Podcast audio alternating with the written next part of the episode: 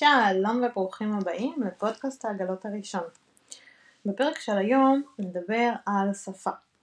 אז הרבה שואלים אותי, אבל ואלי, אני לא יודע לדבר אנגלית, האם אני יכול לעבוד במכירות בחו"ל? לא, לא נראה לי.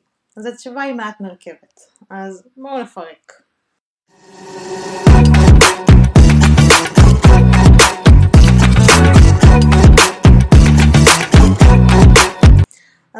בתכלס יש שמועה שאומרת שדווקא אלו שמגיעים ללא השפה וצולחים את דרכם בפנטומימה ומשחקי ידיים לומדים את הדרך שלהם בעצם תוך כדי, הם אלה שמוכרים הכי הרבה. אבל בכנות זו רק אמונה תפלה. ודרכם של מגייסים או כל מיני למשוך אתכם בשביל שתבואו לעבוד איתם בכל מיני מדינות. אה, קצת בקטגוריה של תביא מגרפה להרים את הכסף.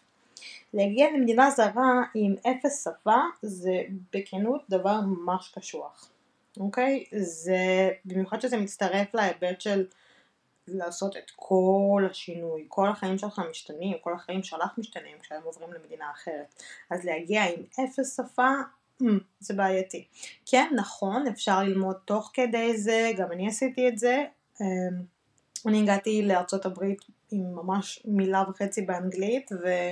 אה, מכרתי בוואווים והיום אה, כבר אתם יודעים כתבתי ספר שלם שהוא באנגלית על עגלות אבל סמכו עליי זה עושה את התהליך הרבה הרבה יותר קשוח ואני פה בשביל לחסוך מכם את האקסטרה אנרגיה המתבזבזת שאני בזבזתי סתם. אה, דרך אגב, אחר כך למדתי לא רק אנגלית, גם גרמנית וספרדית ושיפרתי את הרוסית שלי אבל בכנות, אצלי זה תמיד הכל בדרך הקשה. אז הטיפ שלי, תעשו שיעורי בית לפני שאתם מגיעים למקום, תראו מה השפה המדוברת ותנסו להרים לפחות כמה מילים. אז יש אפליקציה מדהימה, יש בעצם הרבה מאוד אפליקציות של לימודים, אני אישית משתמשת באפליקציה שקוראים לו דאולינגו, אה, זה לא איזה פרסומת או משהו, זה כמו תוכי ירוק כזה שנותן תרגילים, והם אומרים שאם אתם מתרגלים 15 דקות בש... ביום, אתם משפרים את יכולות השפה שלכם by far, והאמת זה עובד, זה עבד לי גם עם ספרדית וגם עם גרמנית, אה, ולמדתי אותם באמת בזמן מאוד מאוד מאוד קצר, גרמנית לדעתי יכלתי לדבר שוטף אחרי שלושה חודשים, וספרדית פחות או יותר חודשיים שלושה גם לרמה שוטפת ברמה גבוהה. אז אני ממליצה ממש לראות לאן אתם הולכים ולהתאמן לפני. אמ, עוד דבר זה שתבדקו כשאתם מגיעים למקום ואתם לא מכירים את השפה, תראו שאתם יודעים איך אתם מגיעים, לאן אתם מגיעים, איך אתם מסתדרים, איך אתם הולכים להזמין אוכל, איך אתם הולכים להזמין מונית או אוטובוס או מה קורה. אתם מבינים? זה לא פשוט. או לפחות תדבקו לאנשים שכן מדברים את השפה המקומית ותנסו לתרגל איתם כמה שיותר. נכון זה לא נוח, נכון זה קשה, אבל אם אתם מוצאים מישהו בחבורה שלכם שמדבר אנגלית טובה או איזה שפה שאתם צריכים, פשוט תנסו לתקשר איתו.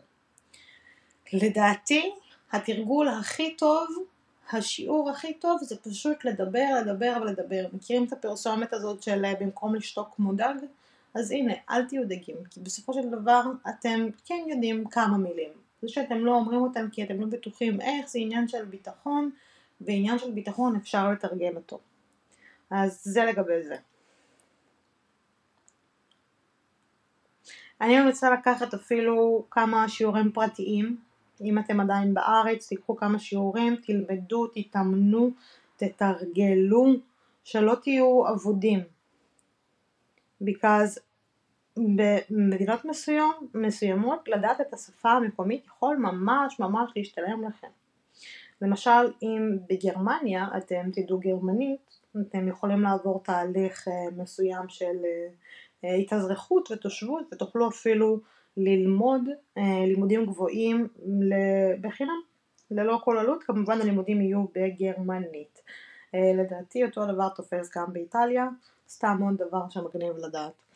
אז זה פרק ממש קצר היום על לימודים של שפה, אל תיסעו בלי שפה או לפחות עם שפה כלשהי, כדאי לכם, זה ישתלם לכם, אתם לא תוכלו לעשות כסף אם אתם לא מדברים עם האנשים ופנטומימה זה חמוד, זה נחמד, אתם צריכים ים באנרגיה לבזבז על זה, וזה יהיה יותר מאתגר. אני לא אומרת שזה בלתי פשוט מאתגר יותר. יאללה, ניפגש בפרק הבא. ואם אתם רוצים לדעת עוד, ולתרגל גם את האנגלית שלכם, אתם מוזמנים לרכוש את ספר העגלות שלי שיסביר לכם שלב אחרי שלב, א' עד ת', מה עושים, איך עושים ולמה עושים. ביי ביי!